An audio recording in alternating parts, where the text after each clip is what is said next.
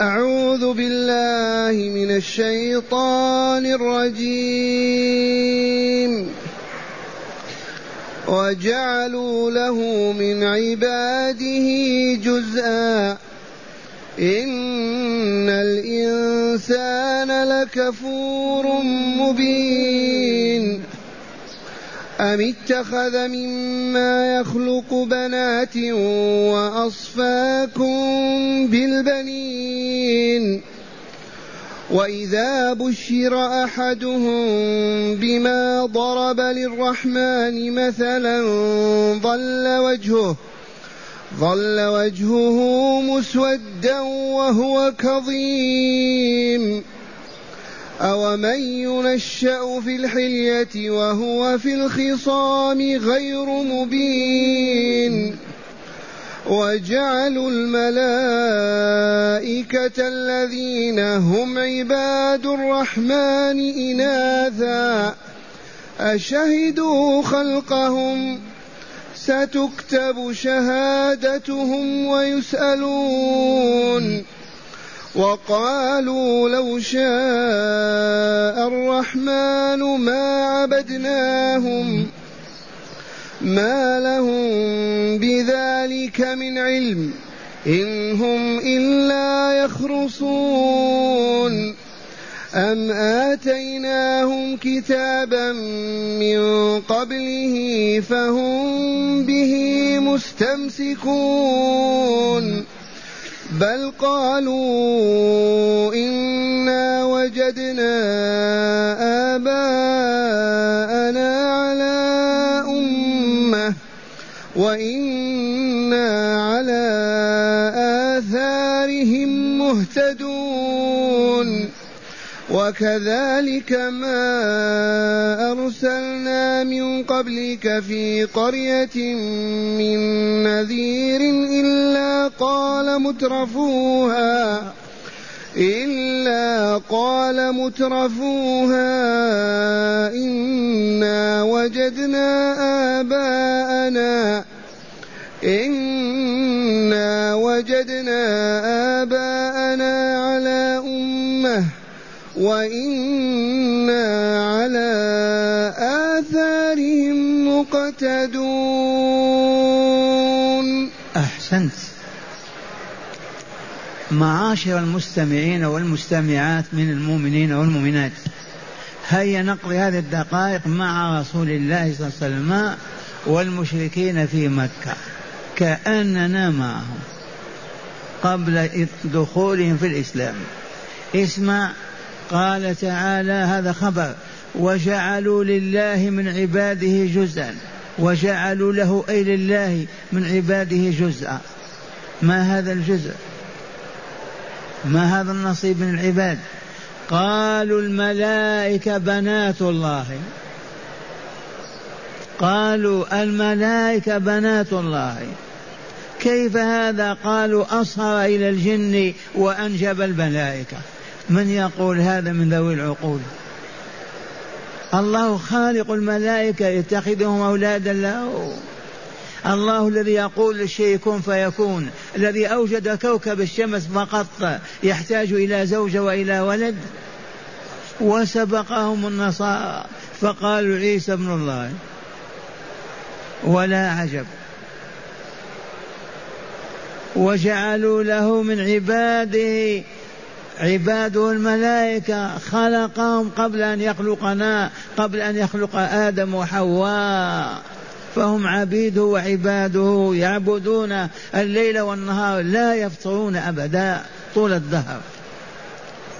ثم علل تعالى هذا القول بقوله إن الإنسان لكفور مبين. الإنسان قبل أن يدخل المستشفى قبل أن يستعمل الوصفة الطبية ذات الأرقام الثمانية. قبل ذلك هذا شأنه. كثير الكفر والعياذ بالله وكفره بين واضح. ظاهر لو آمنوا بالله وكتابه ورسوله ما وقفوا هذا الموقف ولا قالوا هذا القول الباطل السيء. لكنهم ما هذبوا ما ربوا ما دخلوا في رحمة الله. فلهذا يجب أن ندخل الناس في دين الله فيؤمنوا بالله وكتابه ورسوله وبذلك يصبحون أهلا لأن يعقلوا ويفهموا ويعملوا.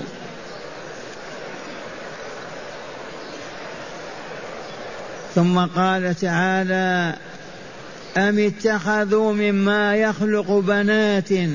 أم اتخذ أي الرب تعالى مما يخلق بنات وأصفاكم بالبنين؟ يا عقلاء الله عز وجل يتخذ ملائكة بنات له وأنتم يعطيكم الذكور. ما هذا الفهم السقيم؟ ما هذا الهبوط النازل إلى أسفل سبيل هم يكرهون البنت كرها عجبا. ما يريد أحدهم أن يولد له بنت. خوفا من العار والهون والدون كيف تكرهون البنات وتجعلونها لله؟ كيف هذا الإيمان؟ كيف هذا الفهم؟ هذا السقم؟ أم اتخذوا بل اتخذوا مما يخلق بنات وأصف أم اتخذ أي هو تعالى مما يخلق بنات وأصفاكم أنتم بالبنين. في الوقت الذي إذا بشر أحدهم بما ضرب للرحمن مثلا أي البنت ظل وجهه مسودا وهو كظيم. حزين متألم وجهه أسود. هذا حالهم في مكة وفي غيرها. إذا قيل لأحدهم وهو في السوق أو في البستان أو كذا ولدت لك بنت يظل طول النهار في كرب وحزن يسود وجهه. هذه البنت تكره أنت وتنسبها لله ما تستحي. أين عقلك؟ وإذا بشر أحدهم بما ضرب هو للرحمن مثلا من قولهم الملائكة بنات الله نعبدهم لنتوسل بعبادتهم إلى الله. قال إذا بشر أحد بنثى ظل طول النهار وجهه مسودا وهو كظيم كئيب حزين. ثم قال تعالى أو من ينشأ في الحلية وهو في الخصام غير مبين تنسبون إلى الله تعالى البنات ينشأون في الحلية في الذهب والفضة واللباس وهو في حال الخصومة ما يستطيع أن يجادل. وهذه لطيفة. المرأة إذا تقدمت بحجة لم تكن لها بل تكون عليها.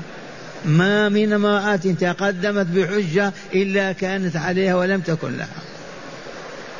ما هي أهل الخصوم والخصام والجدال أبدا؟ أو من ينشأ ويربى في الحلية البنات ما ينشأن في الحلية وإلا لا؟ اللباس والذهب والفضة حتى يقبلوا ويجملوا. وهو في الخصام غير مبين ولا مفصح ولا مبين. المرأة ما هي أهل أن تجادل أو تخاصم ولهذا لا يحل ابدا أن توظف امراه قاضيه أو حاكمه أو اميره ابدا. ما هي أهل لذلك؟ وأيما قوم ولوا أمرهم مرأة والله ما ينجحون ولا يفلحون أبدا. اسمع ما وصف الله المرأة بقوله أو من ينشأ في الحلية تعرفون الحلية وإلا الذهب والفضة واللباس جميل. وهو في الخصام غير مبين ما يفصح ما يعرف. حتى قالت الحكماء ما ألقت امرأة حجة إلا كانت عليها وليست لها في أي خصومة كيف تجعلون لله البنات وأنتم تعرفون على ضعفهم وعجزهم وقصورهم؟ كيف هذا؟ ثم قال تعالى وجعلوا الملائكة الذين هم عند الرحمن إناثا. عند الرحمن قراءة نافع عباد الرحمن قراءة حفص وهو هي هي عنده وعباده. جعلوا الملائكة الذين هم عند الرحمن عباد الرحمن جعلوهم إناثا. قال تعالى أشهدوا خلقهم؟ لما خلق الله الملائكة كان أبو جهل هناك شاهد؟ كان العرب موجودين في السماء الأعلى يوم خلق الملائكة. كيف يقولون يكذبون هذا؟ بأي عقل؟ أشهدوا خلقهم؟ ستكتب شهادتهم. شهدوا. خلق الله الملائكة قبل أن يخلق الإنس والجن.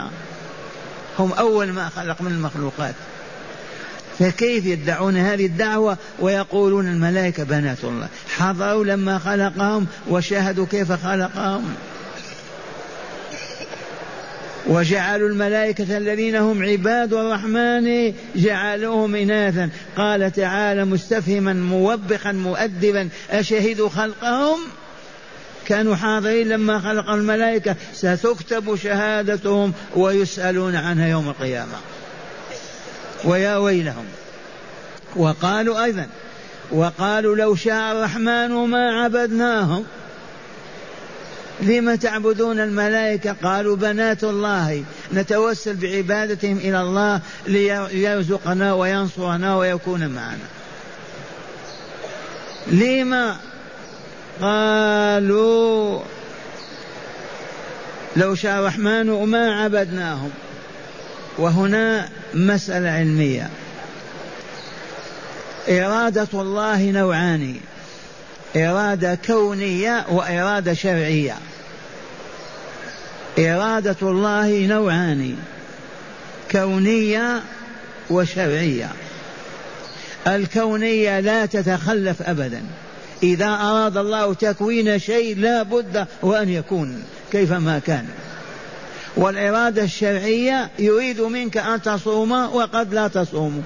يريد منك أن تحج وقد لا تحج لأن هذا امتحان وابتلاء من أجل الجزاء في الدار الآخرة. فالله يريد منا الذكر والاستقامة وإلا لا يريد هذا منا. لكن هذه إرادة كونية لو أراد أن يكون كان. لكن امتحننا بهذه الإرادة الشرعية. والله يريد منا الصدق والوفاء والعدل والطهر والصفاء والرحمة والأخوة كل هذا يريده الله. هل هذه إرادة كونية لا بد أن تقع أو شرعية نمتحن بها؟ قولوا شرعية نمتحن بها.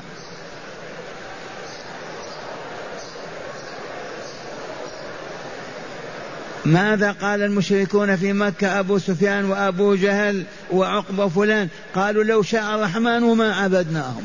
أي لو شاء أننا لا نعبدهم ما نعبدهم. فلهذا عبدناهم لأنه شاء ذلك منا. فلسفة إبليسية. لو شاء الرحمن ما نعبدهم كنا ما عبدناهم. لكن لما عبدناهم معنى هذا أنه أراد ذلك منا. فهمتم الفلسفة الباطلة يعيش عليها الملاحدة اليوم. قال تعالى ما لهم بذلك من علم أبدا إنهم إلا يخرصون يكذبون ويدجلون ويقولون الباطل. عندهم علم بهذا هم لو شاء الرحمن ما عبدناهم. وبعض الهابطين منا يقول لو شاء الرحمن ما زنيت لو شاء الرحمن ما كنت كذا وكذا. وهذا باطل جهل. مشيئة الله نوعان كونية وشرعية. الكونية إذا أراد الشيء لا بد وأن يكون. الشرعية يريد منك كذا وقد ما يكون ليجزيك بذلك. وإلا لماذا أوجد عالم الشقاء النار بكل ما فيها وأوجد عالم الجنة بكل ما فيها؟ من أجل الجزاء على الكسب العمل في هذه الدنيا. ثم قال تعالى أم آتيناهم كتابا من قبله من قبل القرآن فهم به مستمسكون. عندهم دليل على هذا الباطل. نزل فيهم كتاب قبل القرآن بعث الله فيهم رسولا قبل محمد. منين يقولون هذا؟ لو كان عندهم كتاب لا قالوا نحن مستمسك بكتابنا. لو جاءهم رسول قبل محمد صلى الله عليه وسلم قالوا رسولنا فلان. وكل هذا باطل. أم آتيناهم كتابا من قبله أي من قبل القرآن فهم به مستمسكون؟ لا والله. أبدا لا كتاب ولا رسول كان في العرب من عهد إسماعيل. بل قالوا هذا المهرب الحقيقي إنا وجدنا آباءنا على ملة ونحن على آثارهم مهتدون. هذا هو المركز الذي يرتكزون عليه. ماذا قالوا؟ إنا وجدنا آباءنا وأجدادنا على أمة على ملة وإنا على آثارهم مهتدون. أسكت يا محمد ما نستجيب لك. ما نحتاج إلى ما تقول. وجدنا آباءنا وأجدادنا على هذه العقيدة هذه العبادة نحن معهم مهتدون أيضا. ما نحن بضالين. سمعتم كلام الضلال وإلا لا؟ لا إله إلا الله. قال تعالى هنا وكذلك أرسل وكذلك ما أرسلنا من قبلك يا محمد في قرية من نذير إلا قال مترفوها إنا وجدنا آباءنا على أمة وإنا على آثارهم مقتدون. هكذا. يسلي الله ورسوله. ويقول له وكذلك كما قال المشركون في مكة ما أرسلنا من قبلك في قرية أي مدينة من نذير أي رسول إلا قال مترفوها. المترفون أصحاب المال والثروة أصحاب الطعام الشهي واللباس النظيف. هؤلاء هم الذين يريدون أن يبقوا على ما هم عليه ما يريدون أن تتغير الحال أبدا. وإلى اليوم ادخل إلى قرية وادعو إلى الإصلاح يستجيب الفقراء والمساكين والأغنياء يتعصبون ما يريدون إلا أن يشاء الله إنقاذهم. لأنهم لاهون مشغولون بالدنيا. هكذا يقول تعالى ما أرسلنا من قبلك من في قرية من نذير إلا قال مترفوها إنا وجدنا آباءنا على أمة. وإنا على آثارهم مهتدون مقتدون مقتدون بمن سلفنا وسبقنا. كأننا قضينا هذه الدقائق في مكة ولا لا مع رسولنا صلى الله عليه وسلم والقرآن ينزل. آمنا بالله آمنا بالله. أسألكم بالله هذا القرآن يقرأ على الموتى. أسألكم بالله ما نستحي نقرأ على الموتى ولا نقرأها على الأحياء. هذا يقع على الأحياء لا على الأموات.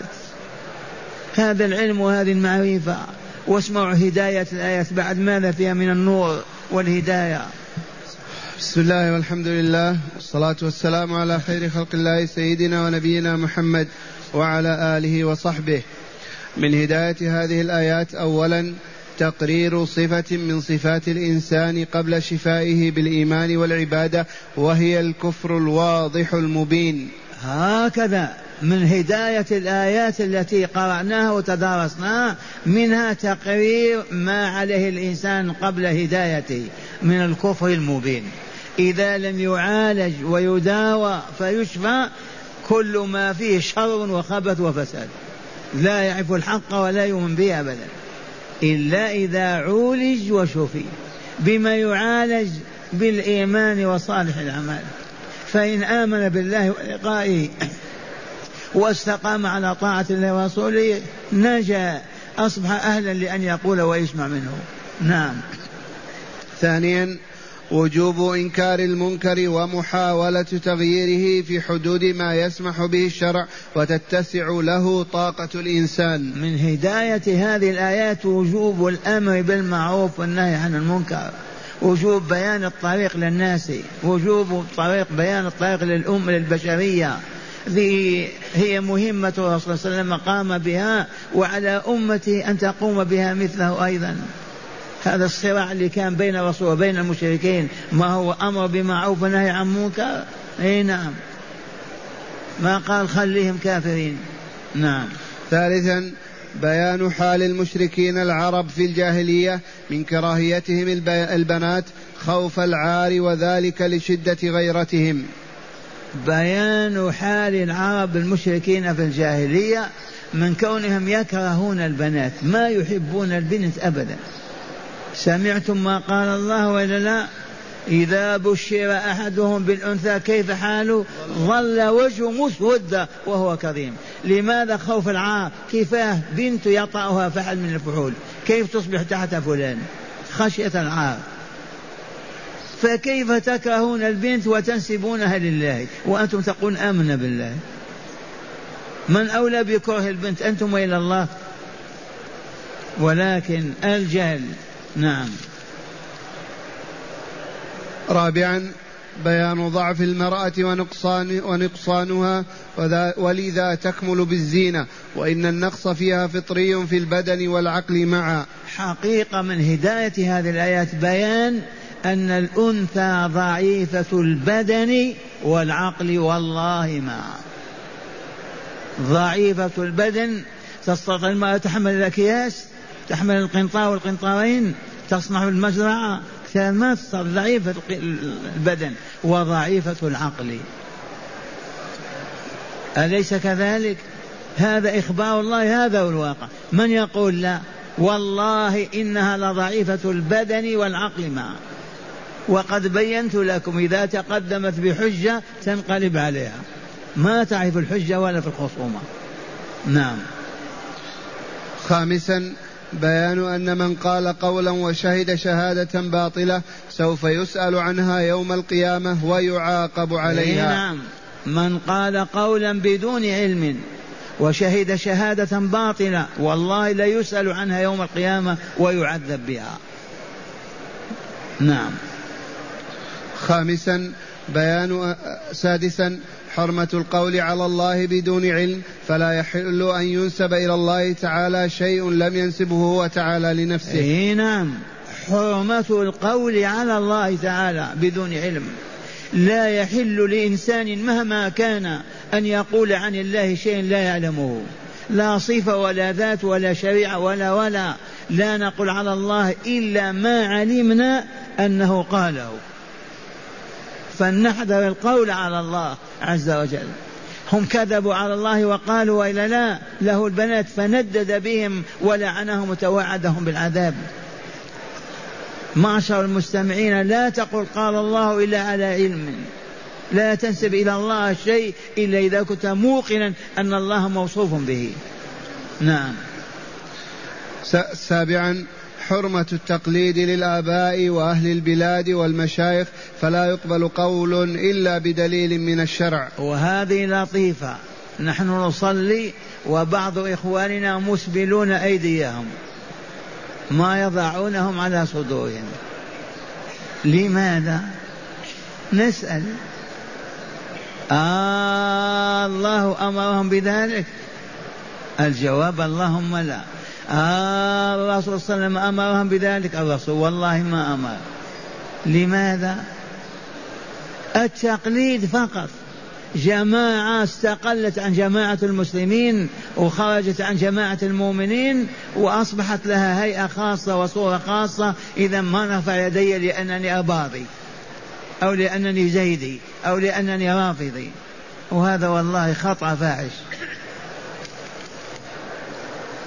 الأئمة الأربعة مالك وأبو حنيفة والشافعي وأحمد جمعوا أمة الإسلام ما خرجوا بها عن الإسلام أبدا. هؤلاء الأربعة كلهم والله لا يقبضون أيديهم ويأمرون الأمة بذلك. ولا تقل نحن المالكية فينا من يقول لأن الأمة لما هبطت بدأت أمور سياسية تظهر فيهم. والله ما هي إلا سياسة فقط. لماذا أنا ما نقبض يدي والأمة تقبض يديها؟ نسأل أهل العلم. والله ما رؤي نفس في الصلاة إلا وهو قابض يديه على صدره. أبدا. وهذا هو التقليد الأعمى. ما نقلد إلا بالدليل. ما الدليل على أن هذا القبض ممنوع أو حرام ولا يجوز؟ ما الدليل على أن السدر سنة؟ هاتي قال الله قال رسوله ما دليلك؟ ما تقول؟ قال شيخي وقال فلان فلانة في في جماعتي. هذه الفائدة الخامسة التاسعة. السابع السابع ما نقلد في دين الله أحدا ما علينا إلا أن تأتيني. قال الله قال رسوله صلى الله عليه وسلم. ما نتبع أهواء الناس. وقال الشيخ في النهر في قوله تعالى وقالوا لو شاء الرحمن ما عبدناهم قولهم منظور فيه إلى أن مشيئة الله وهي إرادته قسمان إرادة كونية وإرادة تكليفية شرعية. فالإرادة الكونية القدرية هذه لا تتخلف أبدا, أبدا. فما شاء الله كان. والإرادة الشرعية التكليفية هي التي قد تتخلف لأن الله تعالى وهب عبده إرادة واختيارا وبحسب ما يختاره يكون جزاؤه والمشركون لا علم لهم بهذا فلذا نفى عنهم العلم رادا باطلهم بجهلهم. أي نعم. بينا هذا إرادة الله نوعان. إرادة أزلية كونية إذا قال لشيء كن فيكون. إرادة شرعية يريد منا أن نصوم يريد منا أن نحج. كذا ولا وتقع هذه الإرادة أو لا تقع. إن استجبنا لها جزانا بذلك خير الجزاء. وإن أعرضنا وتكبرنا عنه عذبنا أشد العذاب. هذه إرادة التكليف والتشريع.